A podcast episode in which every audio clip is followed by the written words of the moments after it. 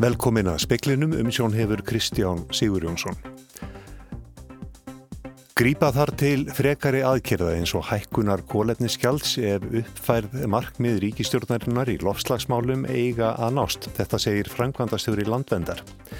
Fjölga á hjúgrunarímum á höfuborgarsæðinu um 90 á næsta ári, húsnæðu og rekstur verða búðin út eftir áramót. Metfjöldi koronaviru smita greindust í Danmörku í gær. Stjórnvöld tilkynntu hertar sóttvarnaraðgerðir í dag.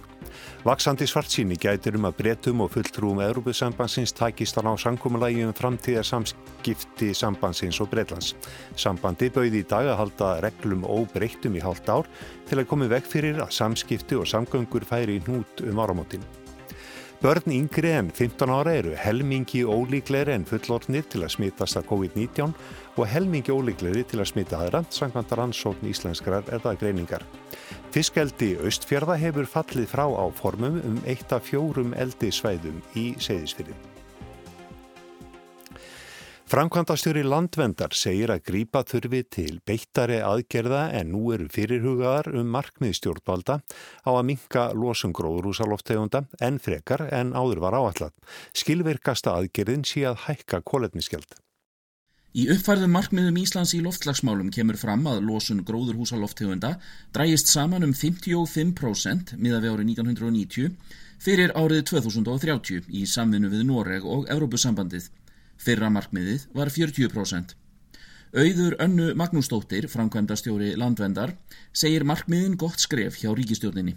Uh, en eins og hefur komið fram í, í máli okkar varðandi aðgerðar áallum ríkistjórnarinnar í lofstafsmálum, þá verða að fylgja þessu beittar aðgerðin. Og ef við hefum að ná þessum, þessum hækkuði markmiðum, þá verða aðgerðarnir náttúrulega að vera, vera eh, miklu sterkari ákveðnari heldur en koma fram í, í núverenda aðgerða. Landvend telur bestu leiðina til að ná þessum markmiðum vera að hækka kólefnisgjald. Eh, þetta er aðgjör sem að bæði alveg gjaldarsjóðurinn og, og sem ég hafa sagt að sé nöðsilegt til þess að, eða sé, sé besta leiðin til þess að ná markmiðum Paris samkvæmulegsins. Eh, þetta er aðgjör sem að næta til allra gæri og er mjög fljótvirk því að, því að tímin er náttúrulega að löpa frá okkur. Auður segir að auka þurfi áherslu á fjölbreyttari ferðamáta. Þá séu blikur á lofti í stóriðjunni og því ólíklegt að aukna orkuframleiðslu þurfi til orkuskipta í samgöngum. Þá er það 3-5% af ferri orku sem við nú þegar framleiðum sem að þarf til þess að skipta út öllum bílaflótanum. Þannig við erum ekki að tala um mjög, mjög stór skref. Þetta var auður önnu Magnúsdóttir, Hallgrímur Indreðarsson talaði við hana. Börn yngre en 15 ára eru helmingi ólíkleri en fullornir til að smitast af COVID-19 og helmingi ólíkleri til að smita aðra. Þetta sýnir ansókn íslenskrar erðagreiningar sem bandaríska vísindariti National Geographic hefur fengið aðgangað. Fram kemur á vef National Geographic að rítið hafi fengið aðgangað gögnum íslenskrar erðagreiningar við vinslu fréttar um stöðuna í bandarískum skólum. Þar hafa 313.000 smitt verið rakin til barnaskóla.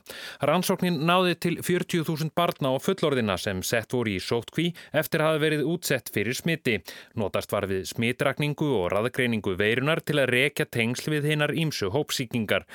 Niðurstaðan var svo að börn yngre en 15 ára væru helmingi ólíkleri en fullornir til að smitast af veirunni og helmingi ólíkleri til að smita aðra. Nánast öll smitt barna mátti rekja til fullorðina. Kári Stefánsson, fórstjóri íslenskar erðagreiningar, segir þó að ef öllu nema skólum og leikskólum erði lokað, erðu þeir drivkrafturinn í fjölkun smita. Þótt smittætta væri ekki mikil milli einstaklinga, myndu þar koma upp hópsíkingar.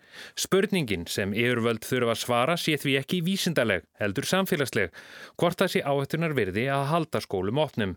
Hvað eru við reyðubúin að búa við, spyr Kári á VF National Geographic. Freyr Gíja Gunnarsson saði frá. Stentir að því að verja 1,7 miljardi króna á næsta ári að fjölga hjúgrunarímum á höfuborgarsvæðinu um alltaf 90. Önnur umræðum fjárlög stendur nú yfir og er lagt til að bætt verði við 1700 miljónum króna til að bæta stöðuna þegar kemur að hjúgrunarímum. Mestu munar um að fjölga á hjúgrunarímum um alltaf 90 á höfuborgarsvæðinu strax á næsta ári. Samkvæm fréttatilkynningu frá heilbreyðsraðuneytinu verða húsneiði og rekstur nýra hjúgrunaríma bóðin út eftir áramót á vegum sjúkratrygginga Íslands. Áætlaði er að það kosti 1350 miljónir á komandi ári. 365 miljónir fari í aukin rekstraframlög til hjúgrunarheimila í samræmi við aukin kostnað við umönnun íbúa. Brynjólur Þór Guðmundsson saði frá. Tilkynnt var um hertar sóttvarnaraðgerðir í Damörku í dag. Þær taka gildi síðdeis á morgun. Ná nú til 69 sveitarfélaga af þeim 98 sem er í landinu og til um 80% landsmanna. Ekki hafa fleiri greins með koronaviru smitt í Damörku á einum degi frá upphafi faraldusins en í gær en þá greindust 3132 danir með veiruna. Helbreyðisráð þeirra kvatti landsminn til að halda sig heima til að ná faraldrinu niður. Aðgerðnar verða í gildi til 3. janúar. Á mánudag kynnti ríkistjórnin hertar sóttvarnanaðgerir í því skyni að stemma stegu við faraldrinum. Þá náðu þær til 31 sveitafélags en núna hafa 38 bæst við. Í þeim fælst meðal annars að veitingastæðir og barir eru lokaðir, skólabörn sem eru í fymta bekk og eldri eiga að vera heima og allir nefnendur framhalds á framhalds- og háskólastígi. Íþróttastarf innan dýra er ekki leifilegt og allri menningarstarfsemi hefur verið gert skilt að loka. Þá vinna allir þeir ofinbyrju starfsmenn sem það geta heima frá sér og fólki er áðið frá að fara á milli sveitafélaga. Evrópusambandið bauð breytum í dag að gera engar breytingar á farþega og vöruflutningum á fyrir helmingi næsta árs þó að ekki tækju samningar um framtíðarsamskipti Evrópusambandsins og Breitlands. Skilir þið væri að breytar breyttu ekki lögum og reglum til að bæta samkeppnistöðu sína á sama tíma. Vaksandi svart síni gætur um að breytum og fullrum Evrópasambandsins takist að ná samkómulagi. Kvöldverðafundur Boris Johnsons, fórsættisráðara Breitlands og Úrsulu von der Leyen, fórsætta framkvæmda stjórnar ESB, var áranguslaus að því undan skildu að þau ákváðu að samningamenn heldu áfram að hittast fram á sunnudag. Simon Coveney, utanrikiðsráðara Írlands, saði síðdeis að meiri bölsíni gætti hjá ríkjum ESB vegna stöðunar og gremju vegna þess hvernig komið væri. So I think there is an increasing uh, pessimism within the European Union, but also an increasing frustration, I think, that it's come to this. Í tilkynningu frá ESB síðdegi sagði að lögum er þið breytt svo flug gæti haldið áfram og bresk farartæki mættu áfram flytja vörur á vegum innan ESB ríkja. Sagði að bandalagi byði breytum þetta til að koma í vekk fyrir öll samskipti og samgöngur færi í hnútum áramótin. Talsmaður bresku stjórnarinnar sagði að hún ætlaði íhúa bóðið en hún væri vel búin undir að engi samningar tækjust. Bói Ágússon sagði frá. Tekist var á um lagseldis á formá seyðisfyrði á sveitarstofnafundi í Múlaþingi í gær. Minni hlutin vildi að skorað yrði á fiskeldi austfjörða að býða með öll eldis áform þar til skipulag haf og strandsvæða lægi fyrir. Tillagan var feld. Hópur seðfyrðinga hefur lagst gegn áformum um 10.000 tonna lagseldi í fyrðinum. Anstaðingar eldisins afhendu í vikunni sveitarstjóra Múlaþings undirskriftir 280 seðfyrðinga sem meðal annars gaggrína lítið samráð. Á seðsfyrði er reyndar líka fólk sem stiður eldi og atvinnu uppbyggingu tengda því. Heimastjórn á seðsfyrði hefur lagst eindreiði gegn einu eldisvæðinu því sem er næst bænum við Háubakka Yfirhafnarvörður hefur sagt að þar eruðu kvíjar fyrir skemmtifærðarskipum. Fiskaldi Östfjörða hefur nú tilkynnt heimastjórn að það sé hætt við eldisvæði við Háubakka sem áttu að vera til vara.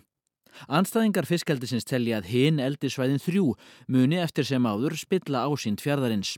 Minnilhutti Vafki og Östurlista lagði til að sveitarstjórn Múlaþings myndi samþykja áskorun til fiskaldis Östfjörða um að býða eftir að vinnu við skipulag haf og strandsvæða er þið lokið, svo tillaga var feld. Í staðin samþyktu nýju bæjarfulltrúar af 11 bókun þar sem segir meðal annars að sveitarstjórn leggja áherslu á ábyrga og fjölbreyta atvinnu uppbyggingu í múlaþingi. Mikilvægt sé að ljúka við nýtt haf- og strandsveðaskipulag fyrir austferði með hagsmunaðilum á sveðinu. En svo fram hefur komið telur fiskaldi austferða sig ekki bundið af þessu skipulagi. Umsóknarferðlið hófst löngu áður en lög um skipulagið voru samþygt. Bent hefur verið á að ákveðin óvisa sé um skipulagsvaldi í seyðisfyrði þar sem hann er allur skilgreindur sem hafnarsvæði. Rúnar Snær Einarsson sagði frá. Formaður lofslagsarás fagnar ákverðun íslenskra stjórnvalda um að samdráttur í losun gróðrúsaloftegunda verði aukin. Sankomulag er um að hlutur Íslands í samdrætti gróðrúsaloftegunda verði 29% í sameigilegu markmiði Európusambansins og Noregs.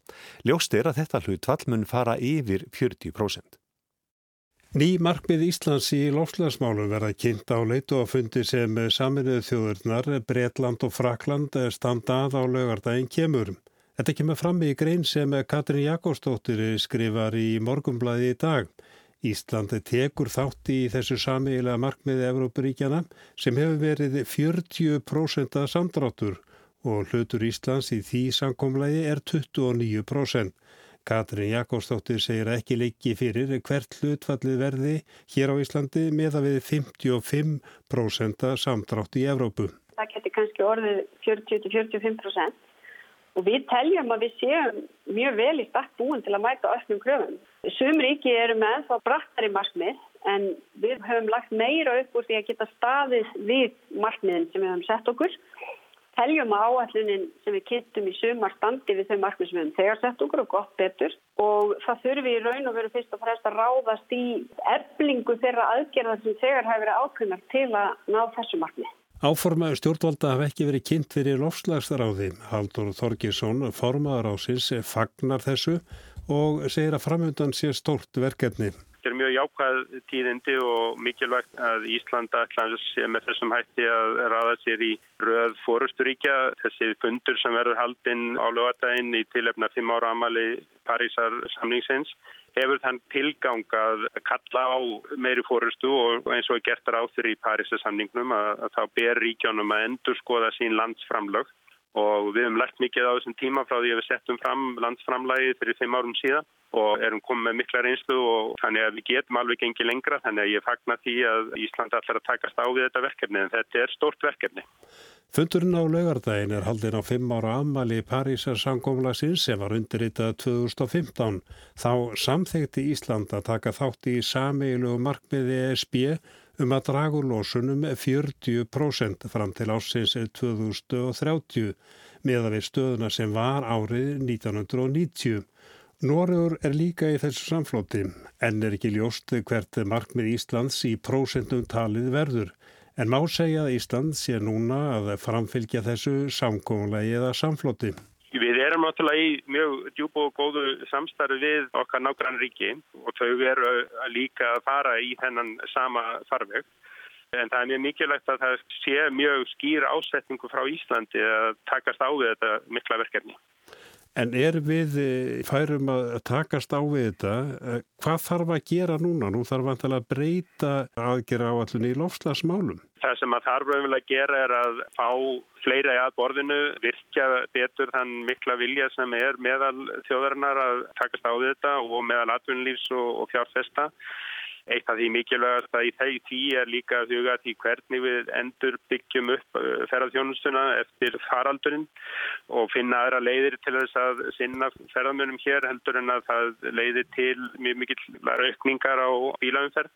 Við þurfum að spýti í lofana líka gákvært uh, almenningssamgöngum og ná betur utanum það að nýta til dæmis metan sem er að það er mjög mikið nýtt metan að koma á markaðin. Þannig að það eru mjög mikla lausnir á borðinu og svo fagnæði líka því að ríkistöndin ætlar að leggja meiri áherslu á lausnir sem tengjast endur hent vistkerfa. Það er ljóst að það er stemtað meiri samdrætti gróðurúsaloftegunda þýðir þetta hert verði ennfrekar á þeim aðgerðum sem eru þegar ákveðnar. Að þeim lausnum sem eru tiltækara þá erum við þegar farin að hafa takast á við þau en við getum sett okkur metnaða fullri markmið og uh, líka byggt á þeirri reynslu sem þegar eru ofinn en það eru líka hluti sem að tengjast uh, neyslu stíinu á Íslandi. Við eigum tölvört inni í sjárótveginu þó þeir hafa náð mjög miklu margóngri það er líka mjög mikill vilji til þess að vera undir það búin að vera með sjávaræðurði sem hafa mjög látt kólefni spór vegna þess að eftir, eftir því mun aukast. Stjórnvöld ætla líka að spýti í lóana til að ná markmiðinu um kólefnis hlutlaust Íslandi fyrir árið 2040. Það fælst í því að auka meðal annars landgræðslu, skórækt og endurheimt votlendis. En hversu mikið nýtist þessi aðgerði tengslu við sameilegt markmið Európaríkjana? Haldur sér ákveðin takmörk hafi verið á því Hvað mikið er talið með þeirra kemur að kólefnis hlutleysi? Ég hef nú vonað því að það veri kannski ringað aðeins og veri að taka meiri tillit til uh, þessara hluta þegar það er farið úr 40 í 55 hjá örbursambandinu og það á að trökk om í ljós. Ég held að það veri mjög öðlegt að gera það. Og það stýttist í árið 2030 og spurningin er hvort raunæft sé að þessu markmiðum verði náð. Vilji er allt sem það og það er mjög mikilvægt að ríkistjórnin marki þessa stefnu en við þurfum öll að koma að þessu. Þetta verður ekki allt gert af ríkisfjö. Þess vegna er svo mikilvægt að við tengjum þetta líka við nýsköpun og endur uppbyggingu eftir heimsfaraldur og það er svo miklu hagkvæmar að gera þetta núna. Þess vegna eru meknar full marknið í loslasmálum mjög skinsanleg út frá efnæðslegum fórsendum vegna þess að byð eigur kostnæðin, byð og hík eigur kostnæðin. Og Haldur talar um þjóðar áttak. Í það er það og við verðum að fylgja okkur á baku þetta markmið og það þarf að ná slíka þverrpolítisk sátt. Ég held að það er mikilvægt að það verði tekið á þessu þverrpolítisk þannig að það verði mikil samstafa um þetta. Auðvitað þarf að takast á um útfæslur en ekki um markmiðin sjálf. Þetta var Haldur Þorgersson, einni hyrðist í Katrínu Jakobsdóttur. Arnar Pall Haugsson tók saman.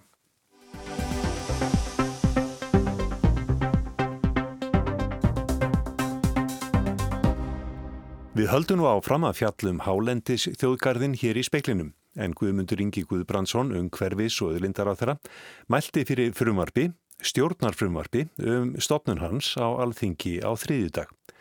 Ljóst er að innan stjórnarflokkana er ekki samstæðum um málið og það gæti orði laung leið framundan áður en frumarpið verður að lögum. Nokkrar sveitastjórnir sem liggja að fyrirhugðum þjóðgarði hafa gert aðtóasendir við frumarpið og telja að skipulagsvald þeirra verði skert. Guðmundur Ingi sagði hins vegar í umræðum og alþingi að kröfum sveitafélagana hefði verið mætt. Speillin rétti í dag við Ástu Stefánsdóttur sveitastjóra í Bláskóabið en sveitastjórn þar hefur lagst gegn frumarpinu. Í þessu ferli öllu þá hefur Sveitarstjórn Bláskópiðar nokkur sinnum álíktaði um málið og tekið til umsagnar ymsa kapla í skýslu þverrpolítísku nefndarinnar sem að vanna málinu og það má nú alveg þakka fyrir það að það hefur tekið tillit til sumra af þeim ábendingum sem voru settar fram. En við teljum þó að það sé ekki nægilega langt gengið sérstaklega hvað varðar það að draga tilbaka skerðingu á skipilagsvaldi sveitarfélaga. Það liggur þá í því aðalega í umdæmisráðunum sem að fara með þarna heilmikið vald.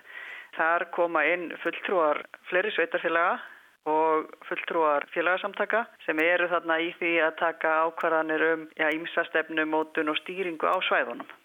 Umhverju sá þegar hann fullirti í umræðum að það hefði verið tekið fullt tillit til aðtóðasend og sveitafélagana? Já, það var gerð breyting í þá veru að upphaflega var þetta sett hann fram að sveitarfélagin væri bundin af stýringar og, og verndar áallunum þjóðgarða, hvað var þeirra aðarskipulag.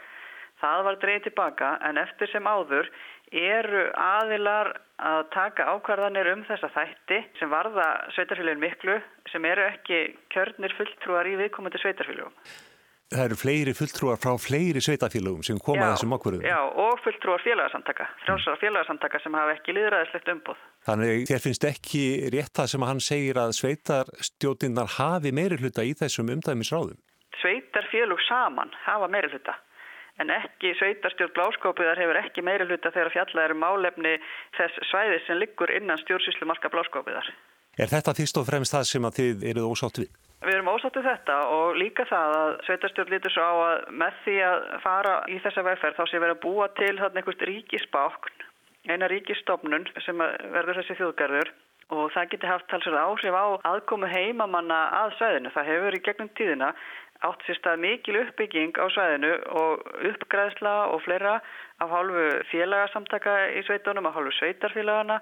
Sveitarfélagin hafa lagt fjármunni í þetta eins og núna síðast til dæmis í að leggja rafstreng inn á kjöl og þegar þetta er orðið ríkistofnun þá er þetta bara komið í allt annað farveg. Það hefur verið góð sátt um svæðið síðustu árin. Þetta eru allt þjóðlendur undir stjórn fórsættisraðanettisins og fórsættisraðanetti og sveitarfélagin hafa farið saman með málefni þessara svæða og það hefur gengið mjög vel og sveitarfélagin telja að það megi bara vel halda því samstarfi áfram. Svo er líka annað að sveitarfélagin hafa bent á það að það þurfu kannski ekki að taka svona stóran bita í einu. Það með byrja á því að taka minna svæði undir. Eins og við þekkjum auðvitað vatnaríkurs þjóðgarð og, og fleiri þjóðgarða. Það væri hægt að gera þjóðgarða sem næðu til minna svæðis og þróa þetta áfram og, og vinna þetta betur. Þetta er gríðarlega stórt mál og það er eðlilegt að mál sem að snerta mjög marga og varða mikla hagsmunni og, og mál sem varða þetta svæði fái svolítið góðan tíma í gerjun og samtali og það sé bara tekið mjög djúft og það sé meira útfært áður en að komið fram með laga framfið. Og ég vil áreita það að sveitistöð bláskópið eru ekki andið þessu út af því að þessu móti uppgræslega landvernd, þvert á móti. Vilja vernda þetta svæði og, hugsa vel um það og telja það sé gert mjög vel nú þegar eins og hugsað er um svæðið. Betur heldur en kannski mörg frílist svæði sem ríkir ber ábyrð á. Þannig að myndur ganga svo langt að segja að þjóðgarðurinn sjálfur, stopnur hans, að hann eigi ekki rétt á sér ég veit nú ekki hvort það er rétt að ganga svo langt. Sveitastjórn hefur lagst alfari gegn frumvarpinu. En það hefur líka verið bent á það að hálfu sveitastjórnar á þessum fundir sem hafa verið haldnir með ráðherra að það megi taka minni skref í einu. Og það er það sem að þið viljið? Já, við viljum það. Þetta sé unnið betur, það sé farið betur ofan þetta. Þættir málsins sé útferðir nánar Þetta virkar þunglamalegt og ríkisbákn og það er alveg hægt að útfæra þetta þannig að sveitarfélögin hafi meiri tryggingu fyrir því að það séu þau sem verður að taka nákvæðanir. Það er engin að móti því að frjálsfélagsamtök hafi aðkoma málunum en þau getur þó hugsanlega verið áhörnafylltrúarinn í stjórnum með málfræls og tillögurétt og eitthvað þess aftar en ákvæðanar valdi sér í höndu sveitarstjórnana sagði Ásta Stefánsdóttir, sveitarstjóri Bláskóabíðar. Tryggvi Felixson, formaður landvendar, lítur fyrirhugaðan hálendi stjóðgarð öðrum augum.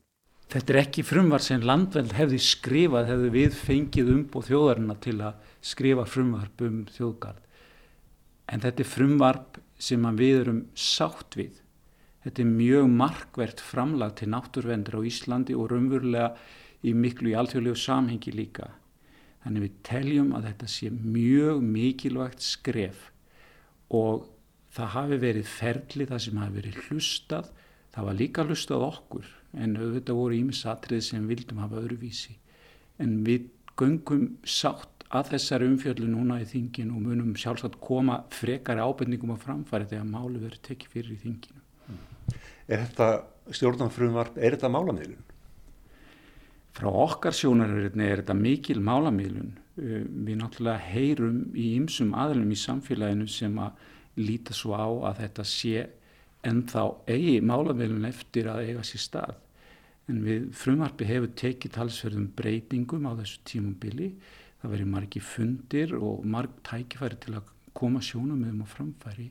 En það er aldrei hægt að gera alla fullkomlega ánaða, ekki landverð frekar en aðra en það er að gera eh, ná svona, hvað maður sé, eitthvað sem er ásætanlegt vegna þess að þetta er svo stórkurslegt framtak í náttúruvend og það likur fyrir að íbúar í landinu almennt eru hlindið í að ganga vel og venda hálendið og þá er þetta besta leiðin.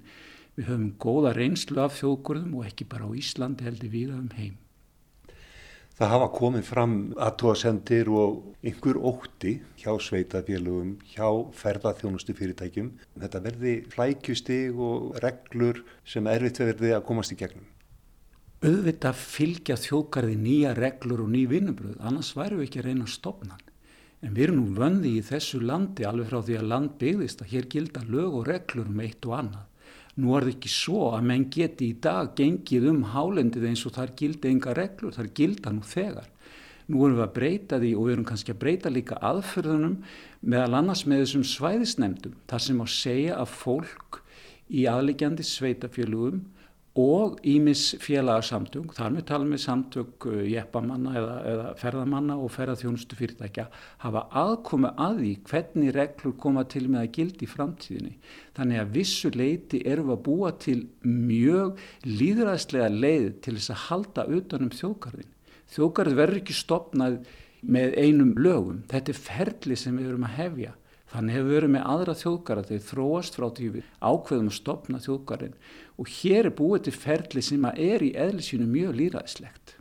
Er þessi ótti ástæðilegs? Nei, hann er ekki ástæðilust. Við getum ekki aldrei óttan stýr okkur þegar svo merkjulegt mál. Óttin á að vera svona ráðgjafi á þessari vegferð, þá ekki að stýra okkur. Mér finnst sumir láta óttan stýra sér, þeir gleymaði hvað mikið er í húfi og hvað þetta er frábært viðfórsefni sem við verum að takast á við. Þá má við ekki láta óttan fell okkur. Ef við letum óttan alltaf stýra okkur, þá kemust við aldrei neitt áfram. Tryggvi segir að það sé skinsamleg lausn í frumarpunu að taka þær stórvirkjanir sem fyrir eru á hálendinu út fyrir fyrirhugaðan þjóðgarð og skilgreina virkjanasvæðin sem jáðarsvæði. Við erum að sjálfsögðu sem samtök sem vinna náttúruvend okkur finnst komið nóg af virkjunum og mannvirkjunum á hálendinu. En þannig verða að leita málamilum og sátt og þetta er nýðustafan. Við munum að sjálfsögðu gera alþingismunum grein fyrir því að við teljum að það væri betra að gera þetta með öðrum hætti er einhver finnst svona í heildarsamenginginu þá sé þetta skref í rétta átt. Við höfum síðan aðra leiði til að taka nákvæmari ákvarðinur um þessa virkjanu gegnum ramma á öllum sem er líka til umfjöllunar. Sveitafélug sem liggja þjóðgarðinum, þau hafa einni líst yfir áhyggjum. Hvernig hefur reynslan verið já, til að mynda með vatnajökuls þjóðgarð og þau sveitafélug sem að liggja að hún? Og það er það sem er svo jákvægt. Landvernd var með eina sjöfundi um þetta málefni og þar komu fram sveitastjórnumenn almennt, og nú sé ég almennt, voru þeir ánaðir með samstarfi við vatnaugulsjókar og höfðu séð ímislegt ganga vel. Svo er kvartaði við því að menn óttast samskipt við ríkistofnum. Það er skemmtilegt frá því að segja að sveitafélum örkverð finnst auðveldara eiga samskipti við vatnaðjökuls þjóðgarð heldur en til dæmis beint við ráðnöytin í Reykjavík með þess að það nær, það ákvörunarferðlið er umverulega færist nær sveitaféljónum. Þannig að það er að jákvæða í þessu að ákvörunarferðlið færist umverulega nær íbúinum og sveitafélum á viðkomandi svæði. Þannig ég held að sá ótti sem að sveitafjölug sum hver og ekki næri öll, það er verðt að hafa það í huga, hafa núna uppi, ég held að hann sé algjörlega ástæðulegs. Það eruðu nokkuð snarpar umræður um þetta máluna á alþingi í vikunni. Hvernig heldur að frumarpinum farnist? Verður það samþygt á þessu þingi eða þarf það lengri tíma? Það er ofta að segja að mál þurfi lengri tíma við þurfum að býða með að taka ákvörðun. En ég held að við séum tilbúin. Við kunnum að reka þjókara, við höfum mikla þekking á því, við höfum reynsluna af vatnækursjókara meðal annars þar sem þetta stjórnunar fyrirkomulega er komið reynsla á það. Þannig að við erum alveg tilbúin til að taka ákvörðun. Við getum að sjálfsögðu haldið áfram að ræða þetta mál í mörg, mörg ár og komist kannski einhvað áfram. En þegar við stopnum þjókar þá eru búið til ramman um ákveðna starfsemi og málinn verða rætt áfram. Við eftir að setja vendar og stjórnar áætlinir, móta atvinnustefnu og svo framvís á ákveðnum svæðum.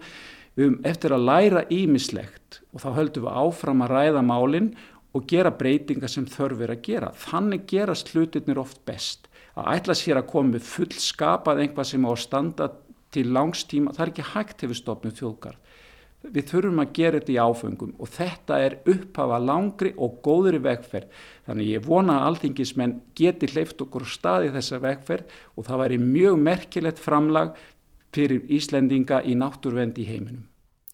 Þetta var Tryggvi Felixson, áður heyrðum við í ástu Stefánsdóttur. Það var helst í speklinum í kvöld að grípa þar til aðgerða eins og hækkunar kólefniskjald sef uppfærið markmið ríkistjórnarinnar í lofslagsmálum eiga að nást. Þetta segir Frankvandastjóri landvendar. Vaksandi svarsinni gætur um að breytum og fulltrúum Európusambansins tækist hann á sankumulagi um framtíða samskipti sambansins og Breitlands.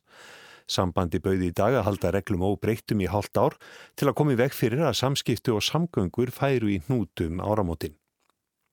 Metfjöldi koronaveirusmita greindust í Danmörku í gær, stjórnveld tilkynntu hertar sóttvarnar aðgerðir í dag.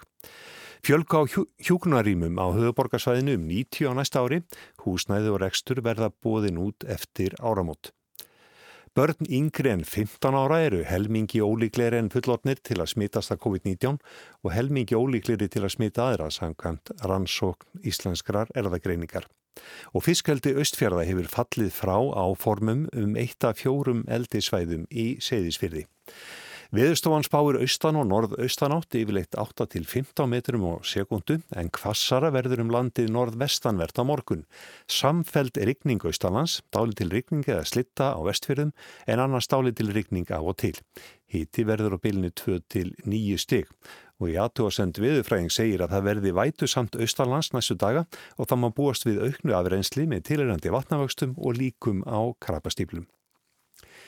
Fleiri ekki í speiklinum í kvöld, tæknimaður í útsendingu var Magnús Þorstedt Magnússon, veriði sæl.